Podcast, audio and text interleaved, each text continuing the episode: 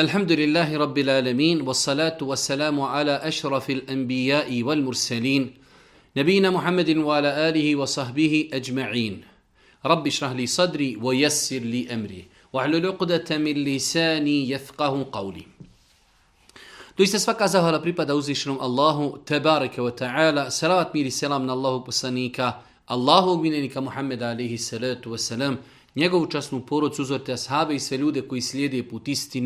do sudnjega dana.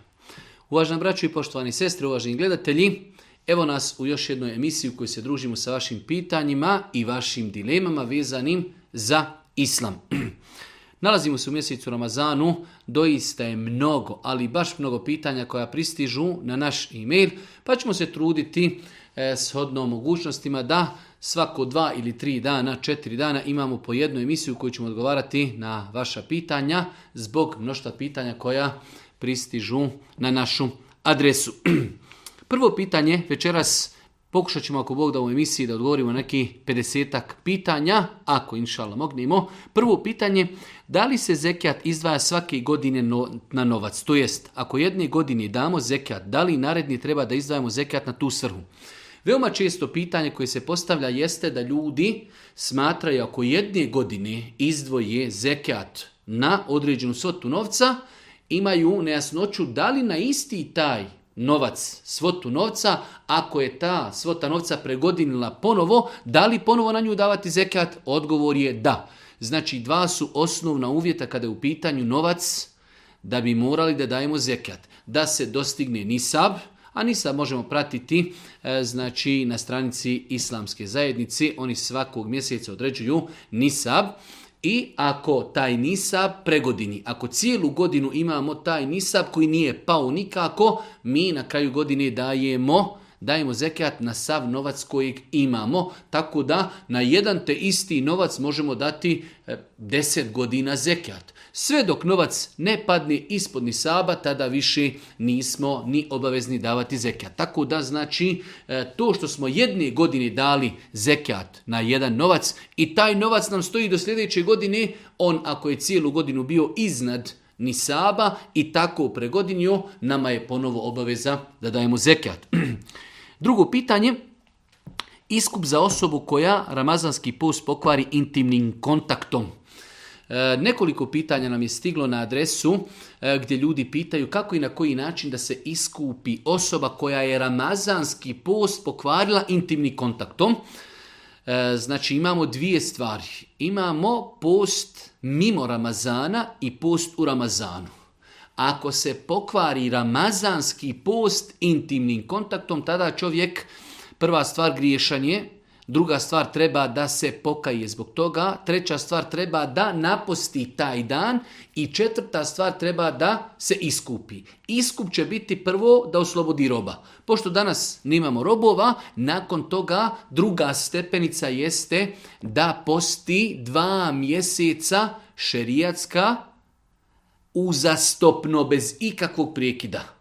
Ako bi čovjek bio bolestan od kategorije ljudi koji ne mogu postiti, tada će nahraniti 60 siromaha, svakom siromahu po, znači otprilike neki kilu i po prehrambenih artikala. Znači osoba koja je pokvarila post ramazanski. Ako bi osoba mimo Ramazana pokvarila post E, intimnim kontaktom, znači ona je samo griješna i treba da to naposti. Za razliku od Ramazana, ako bi se desilo da neko pokvari Ramazanski post intimnim kontaktom, znači kazali smo treba da se pokaje jer je to grijeh, treba da taj dan napusti i treba da se iskupi. Iskupit će se na način da oslobodi roba, pošto nemamo danas robova, nakon toga dva mjeseca, ali neprekidno. Kada bi čovjek postio 45 dana, i prekine jedan dan, mora ponovo početi, znači dva mjeseca postiti iz početka. Ako bi čovjek doista bio bolestan od kategorije ljudi koji ne mogu u osnovi da poste, a pokvario je post intimnim kontaktom, takav će nahraniti 60 siromaha i ako Bog da iskupio je se za taj prekršaj. E, da li isticanje mezija kvari post? Mi smo nekoliko puta govorili da kada su u pitanju muškarci na spolni organ ističu tri tečnosti, znači imamo mokraću koja ne kvari post, ali kvari abdest. Imamo medilj, znači to je tečnost koja ističe prilikom eh, eh, prije spolnog e, odnosa, znači ako čovjek e, se naslađuje sa svojom suprugom, a nije došlo do intimnog kontakta, pa znači imamo e, sluzavu tečnost koja se zove ako isteče kvari abdest, ali ne kvari post. I treća tečnost je sperma, koja ako iziđe na spolni organ, čovjeku je obaveza da se kupa. Tako da u toku posta, ako se desi, znači da čovjek primijeti tragove isticanja mezija, E, njegov post ako Bog da ispravan, svakako da je na taj način izgubio abdest, Tečnu smezija je nečista, mora očistiti čovjek spolni organ i ako je znači to kapnulo na odjeću treba očistiti odjeću, ali ono što je pitanje, to ne kvari post. Može li se zapostiti ako insan nije uspio da se okupa od džunupluka ili žena od hajza? E, znači, može li se zapostiti? ako čovjek nije uspio da se okupa od džunupluka ili žena od hajza, a nastupila je zora. Znači imamo situacije kada se žena pred samo nastupanje zore, evo da kažemo da zora nastupa u 4 sata i 20 minuta, žena u 4 sata e, vidi da je se očistila od hajza. Svakako trebaju 20 minuta da uzme sehur i nije se uspjela okupati prije nastupanja zori. Da li je njen post validan ili čovjek i žena koji su imali intimni kontakt, ustali su na sehur, dok su jeli, nastupila je zora, nisu se okupali, da li njihov post validan? Da, njihov post je validan. Oni u tom, hajde da kažemo, džunup stanju ili žena koja se e, očistila, vidjela je tragove čistoći od mjesečnici prije zori, mogu donijeti namjeru, mogu se huriti, a nakon toga kada nastupi, znači sabah, kada nastupi zora, okupat će se i ako Bog da prije izlaska sunca klanjati sabah. Tako da znači nije uvjet za validnost posta da budemo čisti na, znači, prilikom nastupanja zori. Možemo biti u džunup stanju, nastupila je zora, mi smo prije toga se hurili, popili smo vodi, nastupila je zora, kupamo se i ako Bog da klanjamo prije izlaska sunca. Vidimo postače kako čine različite grijehe, da li to kvari njihov post. Doista mnogo, ali baš mnogo pitanja dolazi na našu adresu e, u pogledu radim takav i takav posao u kojem ima određeni harama, da li je moj post validan. Radim to i to, ima harama, da li je moj post validan i tako dalje. E, mi smo u jednom od svojih predavanja govorili šta to sve kvari i post i spomenuli smo nekoliko stvari od kojih je intimni kontakt, jedenje, pijenje i tako dalje. Intimni kontakt, masturbiranje, namjerno povraćanje, četiri ili pet stvari koje kvari post. E sada, činjenje grijeha je zasebna stvar. Osoba koja posti i čini određen grijeh, to definitivno ukazuje da ona nije upotpunila svoj post, ali post kao post je validan. Pust kao pust je validan. Poput osobe koja klanja i u namazu razmišlja o različitim stvarima. Nakon namaza kaže ili moj, e, moj namaz validan? Jeste. Ali koliko će osoba imati nagrade za taj namaz? Isto je i pitanje sa postom. Ako čovjek radi u toku posta određene grijehe, ima grijeh, to umanjuje nagradu njegovog posta, ali pred gospodarom on je uradio ono što mu je bilo naređeno, a to je da je postio. Ovo nikako ne znači odobravanje grijeha. Grijeh je grijeh i treba ga se klonuti. Ali ako čovjek uradi grijeh, on je nevezan za post i njegov post je ako Bog da validan, osim u slučaju ako bi čovjek uradio nešto što kvari post, kao što je primjer radi intimni kontakt ili nešto slično. To mi u suprotnom čovjek, ako bi slušao muziku, ako bi muškarac gledao žene, ako bi čovjek radio sa kamatom, ako bi čovjek ušao u kladioncu ili neke slične grijehe, to je grijeh i u Ramazanu i izvan Ramazana. Post bi trebao čovjeka da odgoji, da ostavi te grijehe, ali ako ih već nije ostavio, to umanjuje njegovu nagradu, ali post kao post je validan. Kako postupiti ako klamanjamo za imamom koji predvodi vitr namaz po hanefijskom mezhebu, koji klanja vitr namaz po hanefijskom mezhebu, kada dođe vrijeme za kunu dovu. A ja ne znam onu Allahumma inna nesta'inuke, nego kada klanjam sam proučim Allahumma hedina fimen hedid. U svakom slučaju, e, dva su pitanja. Kako postupiti kada klanjamo za čovjekom koji klanja po hanefijskom mezevu? Mi znamo da po hanefijskom mezevu se vitr klanja, klanju se dva rekiata, uči se tehijat, ustaje se na treći rekiat. E, velik gručenjaka smatrao je da je takav način vitr namaza neispravan u smislu da je zabranio Boži poslanik da se tako klanja. Ali mi smo došli, klanjamo za imamom. Mi kada klanjamo kući, Klanjat ćemo dva rekiata, predati selam, ustaćemo na treći rekiat. Ali ovo je situacija kada klanjamo za imamom. Tako da Allah najbolje zna, ne vidim ništa sporno u tome, kao što se može desiti da čovjek klanja za imamom, primjer radi, ja smatram da jedenje devinog mesa je abdest. Ispred mene klanja čovjek koji je u devino meso i nije ponovio abdest i klanja kao takav. Ali on ne smatra da taj eh, da devino meso Kvari za zato on će odgovarati za sebe, a ja za sebe. U ovom momentu ja klanjam za čovjekom koji klanja po hanefijskom ezebu, on smatra da se tako klanja, ja ću se e, prilagoditi i klanjati onako kako on klanja. E ovdje imamo drugo pitanje, učenje dovi. E, čovjek nema smetnje da uči dovu ovu Eh, Allahum mehdina fimen hedet i taj doba prenesena od Božih poslanika ali se letu selam da se uči na vitru. Ali isto tako i bilo koja druga dova da se uči na vitru ako Bog da, to je validno. Znači bilo koja druga dova da se uči na vitru je validno. Da li se učila dova prije odlaska na ruku ili poslije povratka sa a sve je to ako Bog da ispravno. Sedmo pitanje, imam pitanje o akiki. Čitao sam da se treba zaklati 7. 14. ili 21. dan. Ima li smetnja ako se tu radilo, na primjer, 10. 11. ili tek nakon dva mjeseca i koliko mora biti starost ovce koja se kolje i koliko kilograma može biti teška i tako dalje. E, generalno, najljepše je da kada se kolje akika kurban za dijete, da to bude sedmi dan. Ako ne može 14. ako ne može 21. dan, u svakom slučaju dan kao dan kada se kolje, čovjek ako može organizirati klanje u ovim danima kako smo spomenuli je dobro. Ako ne može zaklače kada god može. Trećeg dana, osmog dana, jedanaestog dana, petnaestog dana, dvadeset prvog dana, e, nakon dva mjeseca, nakon šest mjeseci, kada god zakolje ako Bog da, e, dobro je.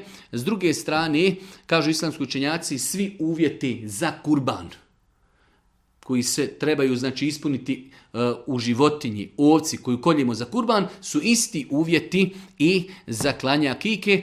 Pa znači velik broj učenjaka je smatrao da ovca koja je napunila šest mjeseci i više i fizički se ne razlikuje mnogo od ovaca koji imaju godinu dana, može se zaklati i za kurban i za akiku. Znači, eh, možemo akiku zaklati kada god nama odgovara vremenski, to je prvi odgovor. Drugi odgovor je ovca koja je napunila šest mjeseci i više i tjelesno je, ajde da kažemo, e, velika, slična ovcama od godine dana, ako Bog da takva se ovca može zaklati i za kurban, može se zaklati i za akiku.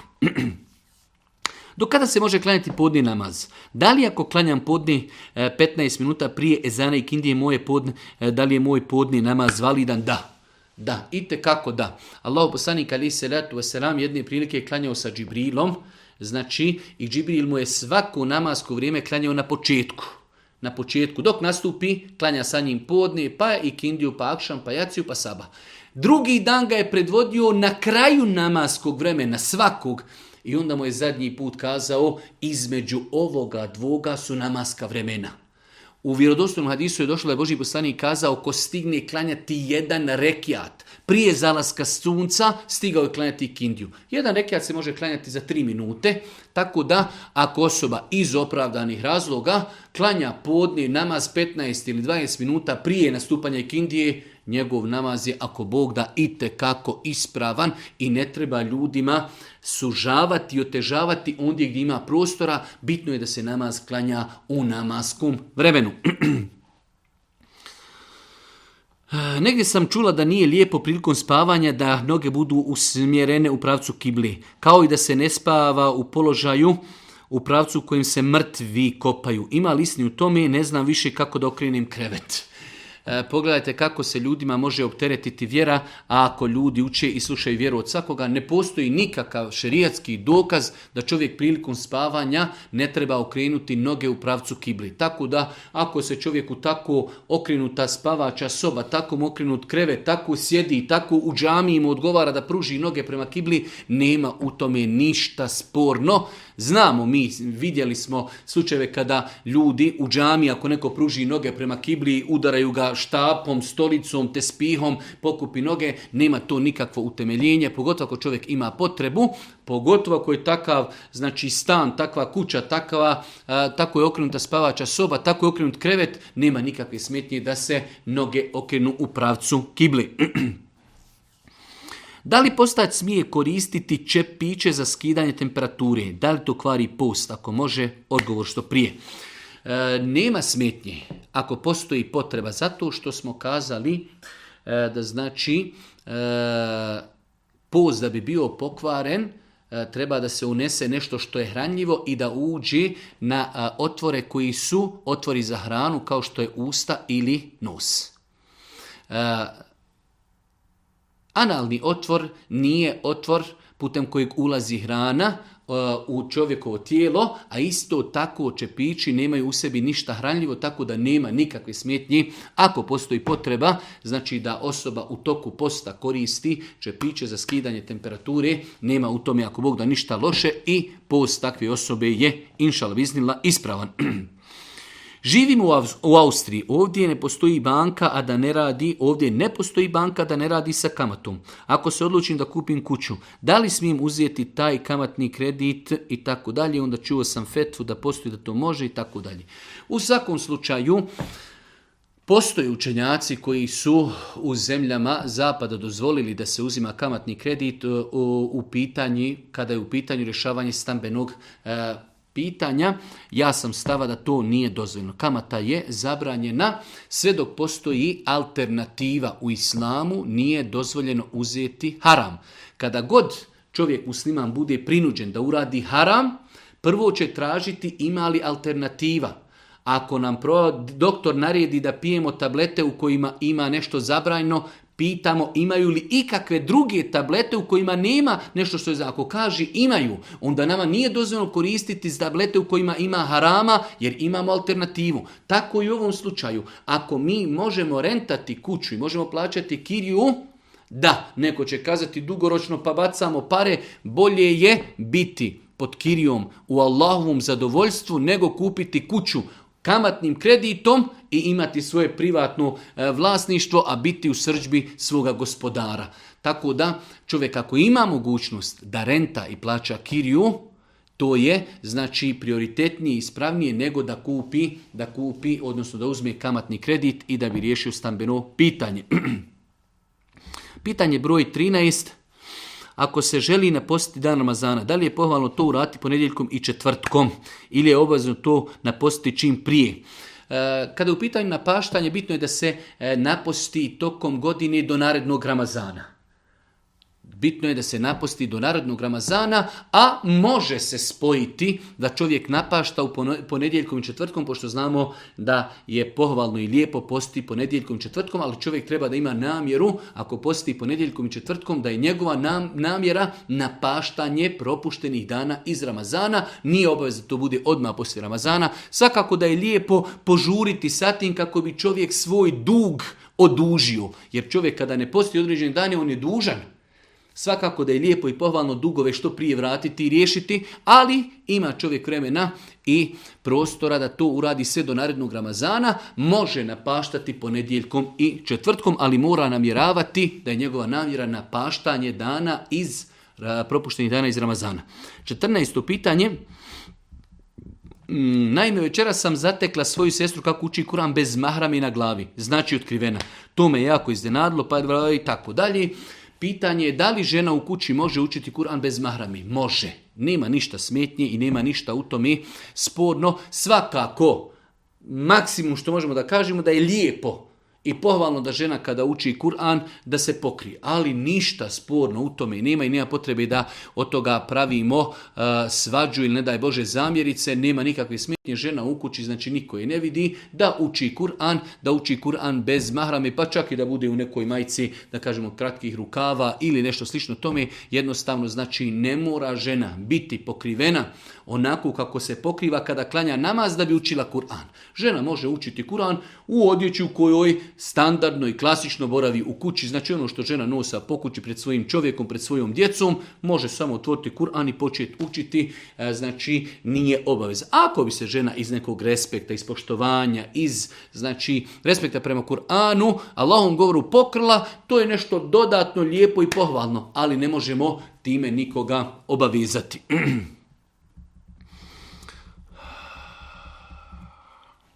Imamo jedno pitanje koje je poprilično, eh, hajde kažemo, intimno, ali u svakom slučaju u braku smo toliko mjeseci eh, i još nikada, znači supružnici nisu stupili intimni kontakt, žena ima strah od toga.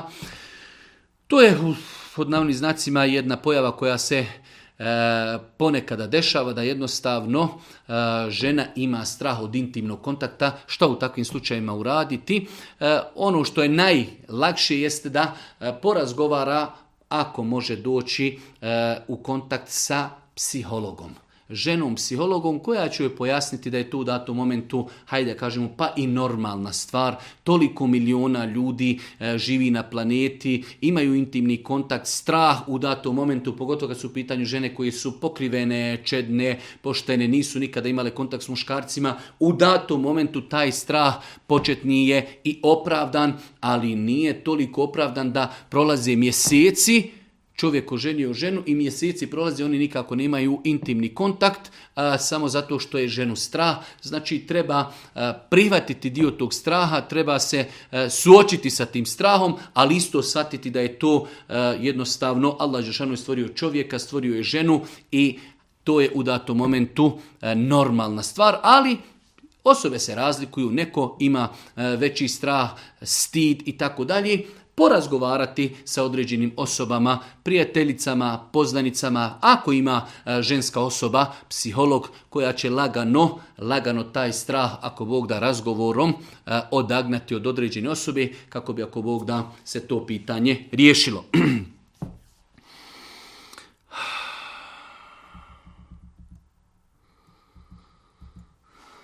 Imamo jedno pitanje, malo duže pitanje, ali u svakom slučaju E, kaže nam ova osoba, rasla sam u muslimanskoj porodici u kojoj se ne drži do vjerskih običaja i ove godine prvi put postim. Vraćam se na pravi put, inšala, pa me zanima kako postupiti, odnosno šta urati duži pitanje. E, pitanje je osoba koja je postala punoljetna prije 10, 15 i 20 godina i ove godine prvi put posti. Šta sa prethodnim Ramazanima? Nedavno smo pisali na Facebooku o tome osoba želi da počne klanjati, a već ju je 35 godina. Znači već 15 godina ne klanja nakon punoljetstva. I u svakoj godini koliko ima namaza, ako kažemo toj osobi da to sve mora naklanjati, to su hiljede namaza. I slično je pitanje sa postom ono što je najprioritetnije za osobu koju, koja prvu godinu sada posti, da se posveti sebi, da se posveti teubi, da se posveti e, kajanju za grijehe koje je učinila, da se učvrsti u namazu, da se učvrsti u ovom postu. Nakon toga, nakon toga, e, velik broj je smatrao da je e, osobi koja je propuštala post obaveza da to naposti, E, bio je dio učenjaka od koje je šehol Islam ibn Taymiye, e, Zahirijska e, ili Bukvalička pravna škola, šehol Temin Rahmetullah Ali, smatrali su da namazi koji se propusti namjerno, post koji se propusti namjerno, samo se treba zbog toga pokajati i ne treba to naklanjavati ili napaštati. Generalno to je jedno pitanje u pogledu kojeg postoji jako razilaženje, jako razilaženje, ali ja bi da osoba koja je tek počela klanjati, osoba koja je tek počela postiti, da se sada prvenstveno fokusira na sadašnicu, Da sada dobro isposti, da sada učvrsti iman, da očvrsti svoj namaz, da očvrsti svoj islam, a onda uz Allahu pomoć u budućnosti, ako bude kuvet, ako bude snage, tokom godine pokušati možda i napaštati e, dane koje osoba propustila u mladosti, ako to i ne bi uradila, nadamo se iskrena teuba, iskreno pokajanje da je dovoljno u takvim situacijama.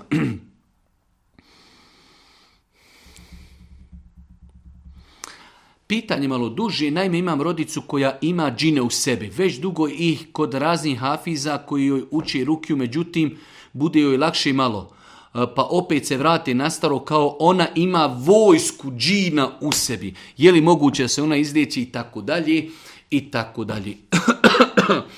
E, definitivno, e, svako se može izliječiti. Konstatacija da osoba u sebi ima vojsku džina je opterećavanje veliko bolesnicima i ljudi koji liječi osobe ne trebaju e, da umaraju svoje bolesnike takvim konstatacijama. Sad zamislite čovjek neko kaže vidi ima u tebi vojska džina.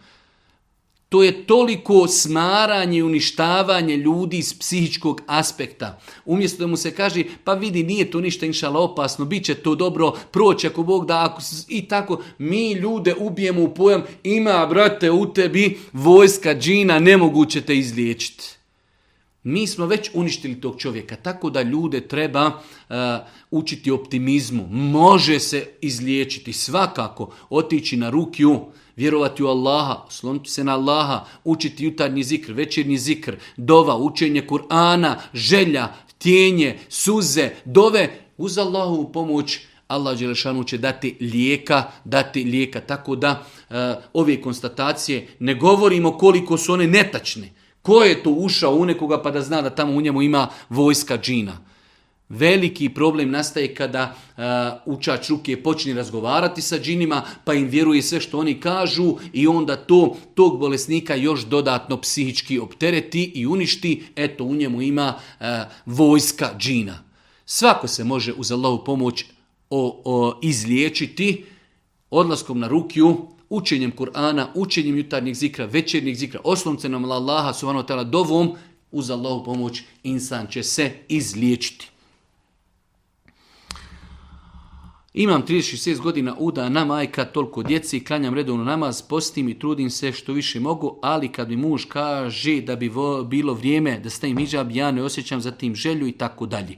Znači, na kraju pitanja, nemam prepreke, zatim sve je do mene, odnosno ja kontam, imam vremena, još sam mlada. 36 godina i još mlada.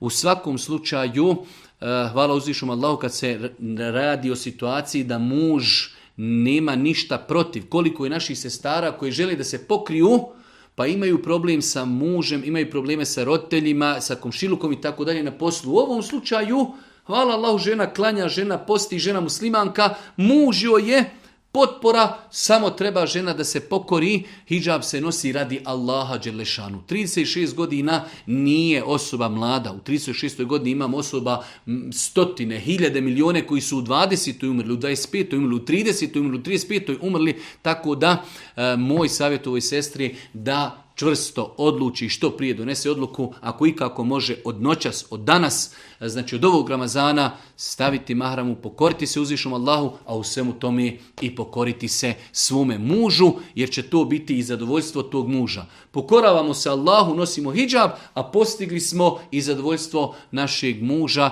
a žena treba da bude pokorna mužu. Pogledajte, muž naređuje ženi ono što je obaveza. Muž kad naredi ženi ono što je Dobrovoljno. Ona treba da ga posluša. A kamoli kada muž narijedi ženi i traži od nje da ispuni ono što joj je vađib od Boga. Tako da će žena, ako Bog da, e, imati dvije nagrade. Pokorila se svome gospodaru, a ispunala je i očekivanje i zahtjeve svoga muža. Tako da nema nikakve potrebe da se odgađa, pogotovo ako živimo u ambijentu gdje muž potpomaže svoju suprugu da nosi hijab. Davanje zekijata osobi za koju se bojimo da će to zloupotrijebiti. Imamo jedno duže pitanje na tu temu, ali generalno gledajući,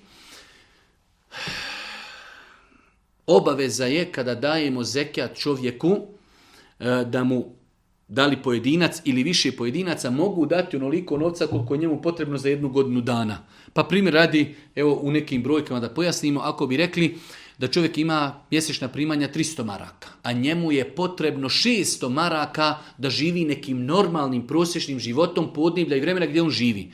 Znači on ima 300, treba mu još 300 na mjesečnom nivou. 300 puta 12 je 3600. E, eh, mi mu znači možemo dati 3600 zekijata i on više nema pravo uzimati zekijat. Dato mu je onoliko koliko je dovoljno za njega i njegove potrebe. E sada, imamo situaciju gdje imate ljudi kada mu dali 3600, taj čovjek bi odmah sutra otišao, kupio bi mobitel, kupio bi laptop, e, ne zna ni on šta bi kupio, kupio bi neku markiranu odjeću i to bi se za, za 15 dana potrošio. Generalno je pravilo da se zekijat ne smije odgađati. Ja imam e, obavezu dati zekijat, ja treba da odmah izdvojim zekijat. Ne mogu ja e, davati periodično nekome svoj zekijat. Ja moram odmah izdvojiti zekijat. To je jedna stvar. Druga stvar, e, osnova je da se čovjeku daje onoliko koliko mu je potrebno za godinu dana. To je osnova. E sada, ako imamo opravdane sumnje, ali to je doista izuzetak – Opravdana sumnja čovjek pokazalo se jednu godinu, dvije godinu, dadne mu ljudi zekijat i on to za 15 ili 20 dana ili za mjesec, dva potroši ono što mu je trebalo da traje godinu dana. U takvim situacijama treba tražiti posrednika. U takvoj situaciji treba tražiti posrednika pa kažemo čovjeku vidi, Jesi li zadovoljan da mi svoj zekat izdvojimo toj i toj osobi, ona će tebi donositi svakog mjeseca 300 maraka, ti imaš svojih 300 i još će ti donositi od zekijata 300. Pa smo se i mi riješili, jer je nama obaveza odmah izdvojiti zekijat, a ako njemu damo, on će to zloupotrijebiti, onda nađemo e, organizaciju koja je povjerljiva ili pojedinca kojeg on prihvata i onda kažemo on će tebi svakog prvog u mjesecu donositi po 300 maraka. Ali je osnova znači da mi moramo da izdvojimo svoj zekijat. Osnova je da dadnimo to čovjeku u njegovo vlasništvo siromahu, ali ako imaju jake pokazatelji da će on to zloupotrijebiti, tada se pribjegava ovom rješenju da neko znači bude posrednik, mi ćemo izdvojiti svoj zekijat, dati njemu, a on će njemu mjesečno davati onoliko koliko treba.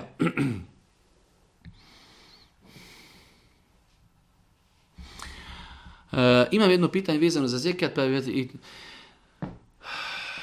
Naime, staratelj sam kćeri koja boluje od cerebralne paralizi. Od njenih para sam ušparila i tako dalje. Pitanje, zanima me da li osoba koja ne može sama razumno odlučivati je dužna izdvati zekat? Eh, da. Ispravno je mišljenje da primjer radi ako imamo osobu koja je eh, nerazumna ili imamo maloljetnike ili imamo jetima a oni imaju svoju šteđenvinu, imaju svoj novac koji je dostigao nisab i pregodinio onda e, otac i mati ili staratelj od jetima ili staratelj od maloumnika, on će izdvojiti u njegovo ime zekjat. Ispravno je to mišljenje, znači postoji razilažen kod islamskih učenjaka, ali je tačno da se zekjat vezuje za imetak. U islamu može se desiti da je čovjek jednostavno nije normalan, ali naslijedio od svog oca milion, naslijedio milijardu. Taj insan u islamu, kad u pitanju namaz, nije obveznik, jednostavno ne razumije namaz. Ali u islamu propis zekijata se vezuje za imetak. Pa mi izdvajamo zekijat iz njegovog imetka, izdvaja onaj ko njega nadzire, ko to zna, jer je zekijat vezan za imetak, a ne za osobu. Tako da, znači u takvim situacijama, ako smo mi Eh, odgajatelji ili nadzornici ili skrbnici ili kako god, eh, znači osoba koji ne znaju izdvojiti zekijat, a one imaju novca dovoljno da su dostigle nisab i da je novac pregodinju, onda ćemo mi to izdvojiti u njihovo ime. Tako da u ovom slučaju, znači ova majka će, ako njena čirka ima na računu toliko novca da je dostigao nisab, ako ima, ako je novac pregodinio, ona će izdvojiti za nju e, sadaku, da e, u njeno, u njeno ime, iako bude to inšala ispravno. Nalazimo se u Meki. Kolegicu je posle umre uhvatio hajz. Da li postoji mogućnost da ona ulazi u mešćit i da dovi? Inšala biznila nema smetnji. Postoji jako razilažen kod islamskoj činjaka može li žena u mjesečnici ući u džamiju. I već smo nekoliko puta govorili da ako žena ima neku potrebu kao vjenčanje ili predavanje ili e, da bude svjedok na vjenčanju i tako dalje, u ovom slučaju žena je došla u Meku, prvi dan obavila umru i dobila mjesečnicu, njena grupa će ostati još tri dana ili četiri dana u Meku. E, ima li ta žena pravo da povremeno u toku dana jednom ili dva put uđe u harem, da gleda u keabu, da dovi, da zikri? E, nema inšala smetnje, nema smetnje. E, da postoje jasni dokaz, mi bi rekli ne može ali ne postoje jasni dokazi, postoji jako razilažen kod učinjaka da li žena u hajzu može ući u džamiju, ne postoji jasan i vjerodostojan dokaz koji ženi to zabranjuje, tako da inšallah bizna, pogotovo u ovakvim situacijama, čovjek otputuje tolike hiljade kilometara, toliko novca dadni i onda mu kažemo ne može, ne može žena ni ući, ako ništa znači da provede 15-20 minuta gledajući u kjabu, doveći, zikreći, veličujući Allah te barka ta'ala, bizna, ako bi tako uradila, ne bi ne bi pogriješila.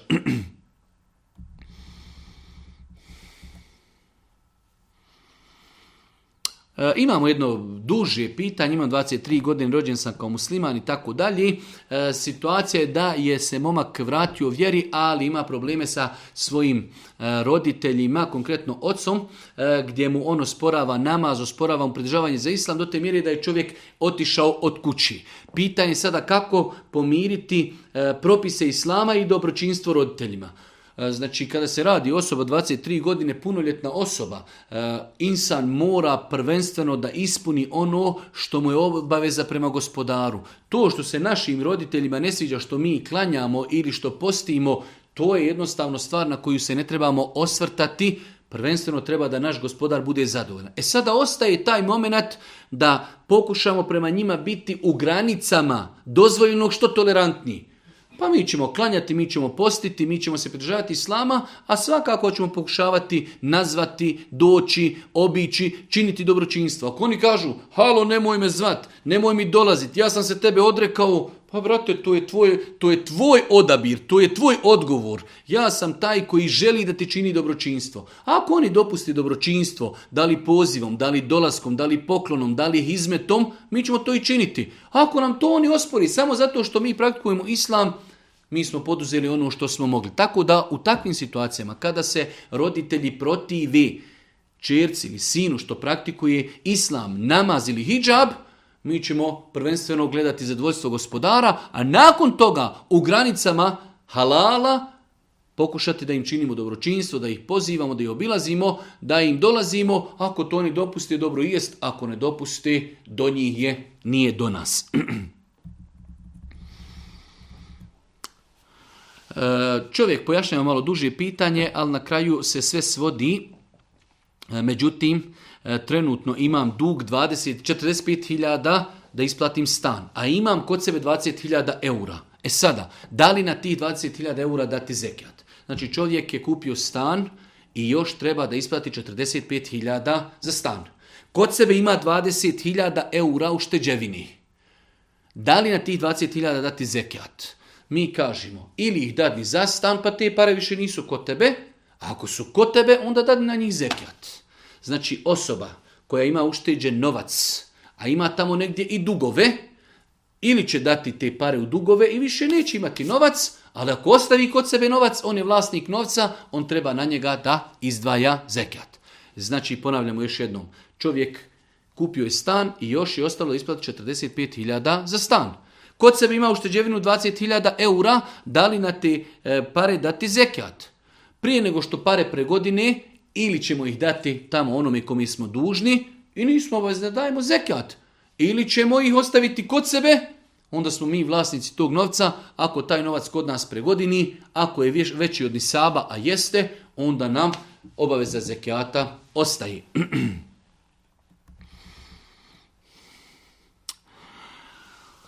Hmm, video sam vaše pojašnjenje vezano na temu šta možemo uraditi za našeg mejta. Na vašem postu piše da se za nemuslimana nije dozvoljeno dobiti. Možete li pojasniti pojam nemusliman? To je da li se nemuslimanom smatra sve osobe koje ne obavljaju namaz ili pak za života žive veoma eh, pošten život i tako dalje. U svakom slučaju, E, kada smo kazali da nije dozvoljno doviti e, za nemuslimane, misli se na ljude koji su umrli u nedjirstvu. Čovjek za sebe kaže da nije musliman. Pripada nekoj drugoj religiji, drugoj vjeri za takvog insana nije dozvoljno doviti nakon njegove smrti. Kada je u pitanju osoba koja se deklarisala kao musliman, ako je taj insan povremeno klanjao, Nekada teravju, nekada džumu, ponekada postio, ponekada na bajram, davao sadaku, ponekada kurban, on ima velike grijehe, ogromne grijehe, ali je on u najširijem, najširijem, krugu muslimana i islama. Za takvog insana inšala bizna dozvoljeno dobiti. Za razliku od čovjeka koji možda ima samo ime muslimansko, negira da postoji Bog, kaže za sebe da je ateista i tako dalje, to što ima muslimansko ime, temu ne znači ništa. Tako da insan koji se deklariše kao musliman, potvrđuje to sa svojim nekim dijelima. Dijela mogu biti la ilaha illa Muhammed Rasulullah.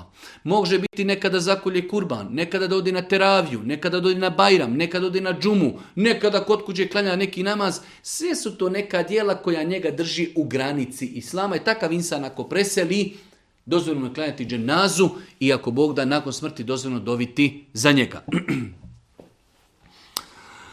E, pošto idem u školu i želim obavljati namaz u školi, ne mogu uzeti ceo abdest, ne mogu oprati noge, da li je moj abdest ispravan i namaz. Rješenje je kada se abdesti i moramo oprati noge, ali imamo drugu olakšicu, a to je kada krenemo od kuće da abdestimo i obučemo čarape na noge. Kada u školu dođemo, ako izgubimo abdest, mi ćemo abdestiti sve do nogu i onda ćemo mokrim rukama samo potrati po stopalima i nemamo potrebe da ako Bog da peremo noge i to je validno. Znači nije validan abdest ako mi oprali sve, ostavili noge da nismo oprali. Tada nije validan abdest i nije ispravan namaz. Rješenje je, rješenje je da kada krenemo od kuće da abdestimo. I dok smo još pod abdestom obučemo čarape, kada dođemo u školu, ako budemo pod abdestom, dobro i je, sklanjat ćemo sa tim abdestom. Ako smo u međuvremenu izgubili abdest, mi ćemo ako Bog da otići u toalet, abdestit ćemo, kada dođemo do mjesta da trebamo oprati noge, samo ćemo uzeti mokrim rukama, potrati po desnoj nozi, po lijevoj nozi, od vrhova prstiju prema člancima i ako Bog da to je validno ispravno, tada smo validno uzeli abdest i nakon toga ako Bog da naš namaz je ispravan.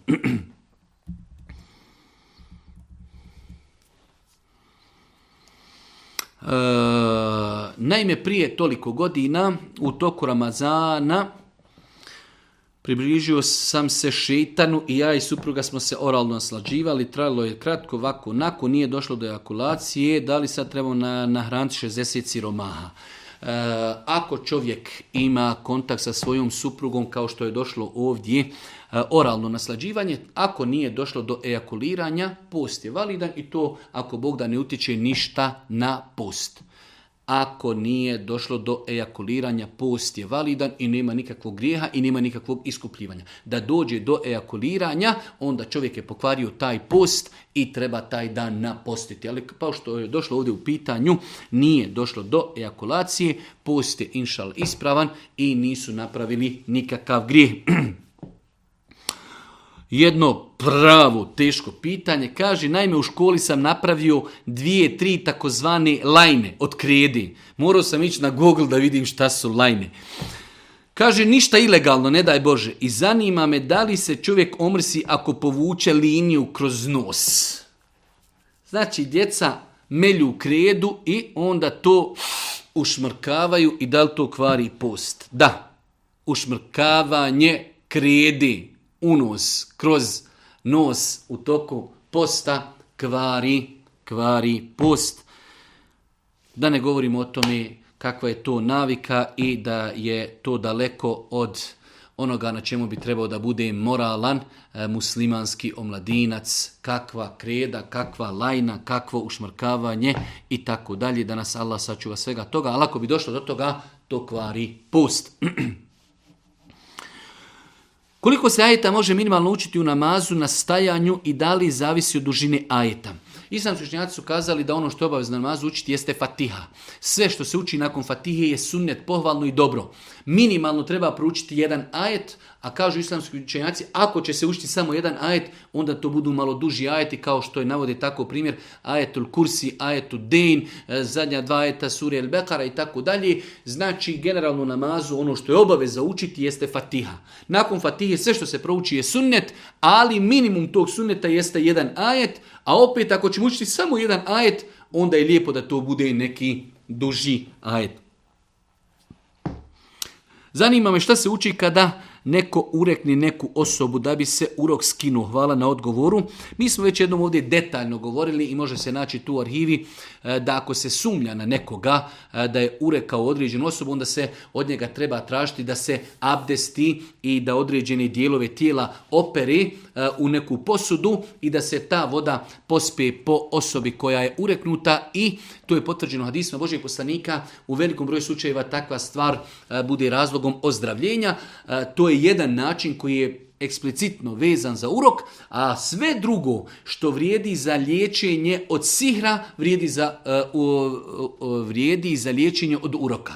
Znači zikr večernji, jutarnji, rukja, učenje Kur'ana, e, med, čurekut, sve te stvari koje mogu pozitivno djelovati na liječenje čovjeka od sihra, one uz Allahu pomoć mogu e, pozitivno djelovati na liječenje čovjeka od uroka sa dodatkom ovog načina koji smo u jednom od predavanja baš detaljno pojasnili. E, čovjek navodi primjer E, ako bi imali 10.000 eura e, novca koliko se daje e, zekijata na tu svotu. Ako imamo 10.000 eura novca u šteđevini tokom cijele godine, to je već dostiglo nisava koje je pregodnilo, najlakši način kako ćemo izdvojiti zekijat jeste da imeta koji imamo podijelimo sa brojem 40. Znači broj 40 odgovara 2,5%. Znači ako neko ne zna što znači 2,5%, onda mu kažemo, ako kaže čovjek imam 100.000 eura, podijeli sa 40. Odeš lijepo u aplikaciju, mobitel, 100.000, podijeli sa 40, rezultat kojeg dobiješ to je ono što trebaš izdvojiti. U ovom slučaju 10.000 eura, podijeli sa 40, dobijemo 250 eura. Osoba koja ima 10.000 e, eura u šteđevini tokom cijele godine, podijeli sa 40, 250 eura treba da dadne na ime zekijata. Zanima vaše mišljenje o sklapanju braka u šali. Sklapanje braka u šali. Allah poslanik ali se letu selam kazao je tri stvari i u šali su ozbilja i u su ozbilja. Jedna od te tri stvari je brak. Svakako pod uvjetom da se ispuni ostali uvjeti. Znači ako bi doista bio staratelj, bila djevojka, bio momak, bili svjedoci, i oni eto u šali, hoćeš ti has uzeti e, tu ženu, hoću, hoćeš ti njega uzeti za muža, hoću, Haso, jesi ti zadovoljan da tvoja čerka se uda, jesam, svjedoci jeste čuli, svi se, oni svi se šali i zezaju, ali je sve ispunjeno. To što se oni šali ne znači isto u islamu je brak sklopljen. Znači, nema šali u islamu kada je u pitanju brak. Ali se moraju ispuniti uvjeti. Ako bi, znači, e, neki od uvjeta bio neispunjen, tada brak u osnovi nije ispravan ni u šali ni u ozbilji. Ali ako bi se svi uvjeti ispunili, makar ljudi se šalili, taj brak je sklopljen. Jer je to potvrđeno hadisima Božih poslanika, ali se letu selam, da tri stvari su i u šali ozbilja. I u šali, ako se šalimo, one su validne u islamu. Tako da nema šali sa nema šali sa brakom, ako bi znači ispunili uvjete, a sve šala, da bude mlada i mladoženja i staratelj i svjedoci i određen mehr, a sve se oni šali. Hoćeš li hoću, daješ li dajem, to je u islamu brak. To je u islamu brak, zato se ne treba igrati sa takvim stvarima. Roditelji šparaju novac za par, e, par godina, više hiljada eurova za izgradnju kuće. Da li na to treba dati zekija? Da. Znači, e, rekli smo, ili ćemo početi graditi kuću. Čovjek ušparao 25.000 eura, želi da gradi kuću. U redu, utroši taj novac u gradnju kuće i nisi dužan davati zekijat. Ali ako pare stoji na kamari, ako pare stoji na kamari bez obzira da li štediš za hadž za umru, za ženidbu, e, za e, izgradnju kući, za kupovnu auta, ako su dostigle nisab i ako smo e, znači pregodinile taj novac, treba da damo na njega, treba na njega da dajemo zekijat. jedan naš brat ima problem, kaže živi u Njemačkoj već 8 godina, u braku sam sa kršćankom i imam troje djeci. Allah je dao da se razbolio od džina i šetana, pa se izliječio, e sada se vratio vjeri, ta njegova žena neće da prihvati islam, šta je njemu svemu tome činiti. Troje djece i tu. U svakom slučaju e, treba čovjek, zato mi uvijek kažemo islam je dopustio i dozvolio čovjeku da oženi čestitu i moralnu kršćanku.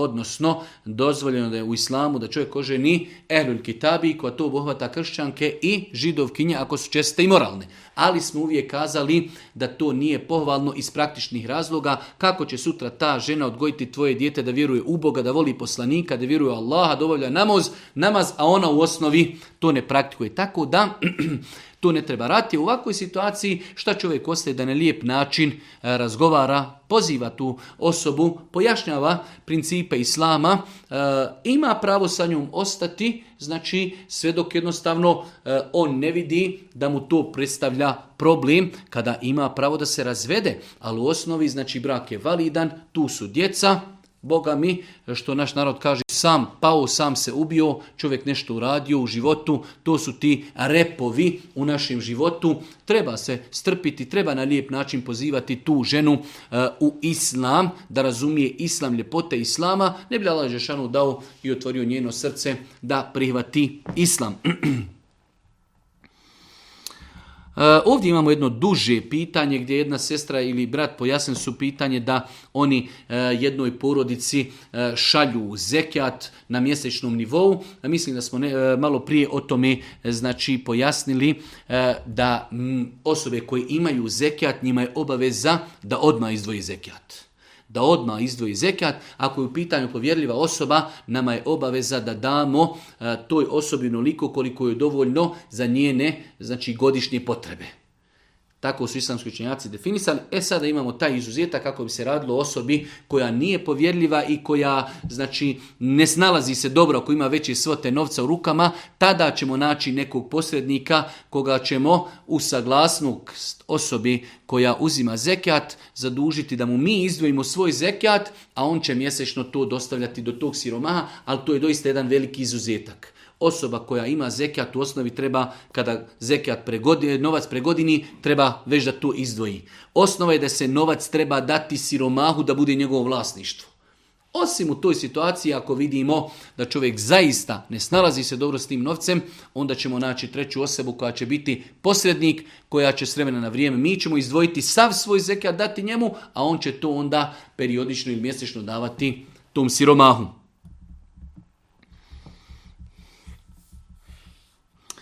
jedno kompleksno škakljivo pitanje, već duže vremena želim da mi neko objasni i kaže o vremenu pravi zori. U svakom slučaju čovjek kaži e, u Mekki i Medini e, period od sabaha do izlaska sunca je sahati 20 minuta, kod nas je to sahati 45 minuta. Pa se čovjek boji za svoj sabah. E, teška su to pitanja. Ja lično sam stava da čovjek ispred ostrožnosti treba da pazi na svoj sabah namaz i da ga klanja kada bude siguran da je sabah nastupio. Ne želim da kažem da osoba koja klanja odmah po vaktiji nje namaz nije ispravan, ali isto tako postoje mnoge i institucije i mnoge aplikacije i mnoge osobe koji kažu da još sabah nije nastupio. U redu, ako imamo s jedne strane institucije koji kažu da sabah traje sat i 20 minuta, imamo na drugom mjestu koji kažu sat i 45, sat i 50, sat i 55 minuta, nemoguće da bude tolika razlika, može biti razlika u 2-3 minute, šta je onda nama? Ja lično smatram da čovjek treba da se pazi, da se boji Boga za svoj namaz, osnova je da je noć. Noć je, ja ne klanjam saba dok ne budem siguran da je zora nastupila. kada budem siguran da je zora nastupila, ja ću klanjati kako bi moj namaz bio 100% ispravan i kako bi bio eh, u vremenu kada je sabah nastupio. Ne želimo da kvalificiramo, kažemo neći sabah isprav, ispravan, nije. Ali lično smatram da je najbolje da čovjek klanja svoj sabah onda kada, onda kada bude siguran da je sabah nastupio. Eh, a kada je u pitanju post, opet s druge strane, da čovjek ne bi uletio u period kada možda je jeo, a nije smio jesti, smatram da je najprioritetnije da se čovjek zaustavi po vaktiji i da ne jedi. Smatram, znači po vaktiji treba da se zaustavi, kako ne daj Bože ne bi uletio u prostor da jedi u period kada nije smio jesti, ali kada je u pitanju namaz sačekati toliko da čovjek bude siguran da je njegov, e, da je sabah nastupio, iako Bog da, onda će biti i njegov post sigurno ispravan i njegov namaz sigurno ispravan. E, pitanje je doista kompleksno, složeno, nažalost takav je umet, znači imamo velike razlike, kako do država, tako do institucija, tako do aplikacija, tako do vaktija, znači velika razilaženja i nisu to razilaženja u nekoliko minuta, to su razilaženja i do 30 i do 40 i 50 minuta, što nemoguće je da kažemo svi su u pravu, nemoguće, onda smatram da je najprioritetnije da insan bude predostružan za svoj namaz.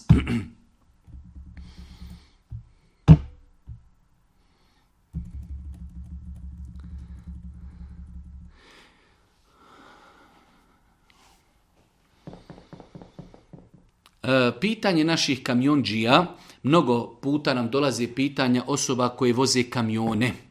E, znači, braća koja su zapošljena i voze kamione, oni su musafiri ako voze dalje od 80 km od mjesta gdje stanuju. Znači, prva stvar, osoba, bez obzira, makar svaki dan vozila, on svaki dan je musafir ako vozi dalje od 80 km od mjesta gdje stanuje. Ali Čovjek treba da pazi, dosta puta se dešava da ljudi klanjaju i dolazle su mu sugestije da o tome i govorimo, ljudi klanjaju onako kako je kamion okrenut, farze i klanjaju za volanom.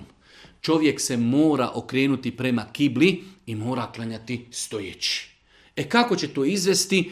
to su njegove tehničke stvari, zaustavit će se nekom proširenju, imat će flašu vode gdje će abdestiti, pomoću neke aplikacije će okrenuti se prema kibli ili na osnovu sunca ili na osnovu nekih drugih znači pokazatelja, ali čovjeku je obaveza kada bude klanjao, bez obzira što je musafir, bez obzira što ima kamion, da se okreni prema kibli i obavezamo da klanja stojeći ako ima toliko prostora u kamionu, imaju određeni kamioni koji tolike imaju velike kabine, da čovjek može klanjati u kabini. U redu, klanjat ću u kabini, ali moram tu kabinu naštimati, okrenuti je da bude okrenuta prema kibli. Na fila se može klanjati da nismo okrenuti prema kibli, dok vozimo kamion čovjek može klanjati na filu, ne mora znači stajati, niti se mora okretati prema kibli.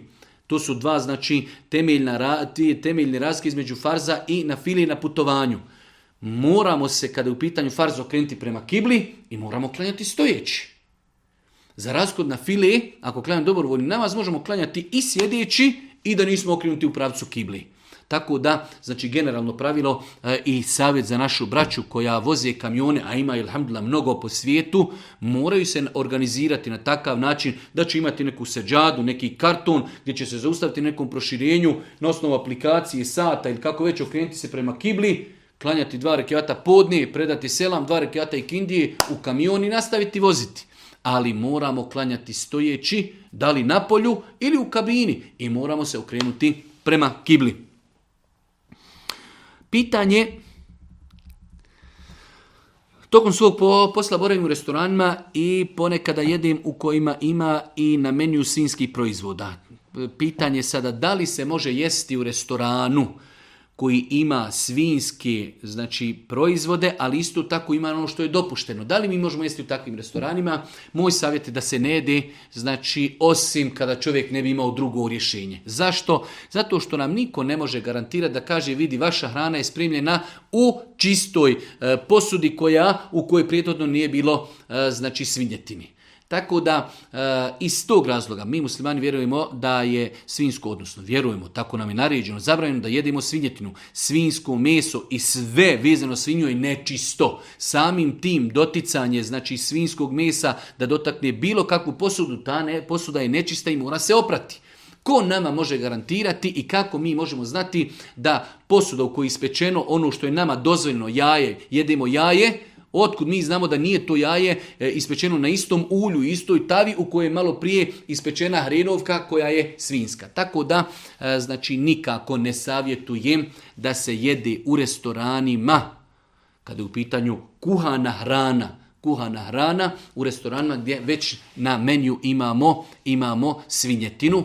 Kako znati da to nije spremano u istim posudama? Ako se sprema već u tim posudama svinjetina, onda to treba dobro, temeljito oprati da bi se moglo spremati nešto što je halal. Ko nam to može garantovati? Ne može niko. Zato je to bolje i predostrožnije izbjegavati.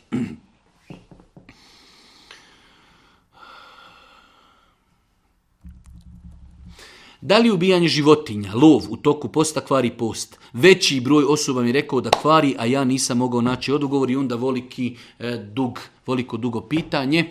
Pogledajte kako ljudi e, govore o vjeri ono što ne znaju. Ne znam da na planeti ima učenja koji je kazao da lov, bavljenje lovom kvari post.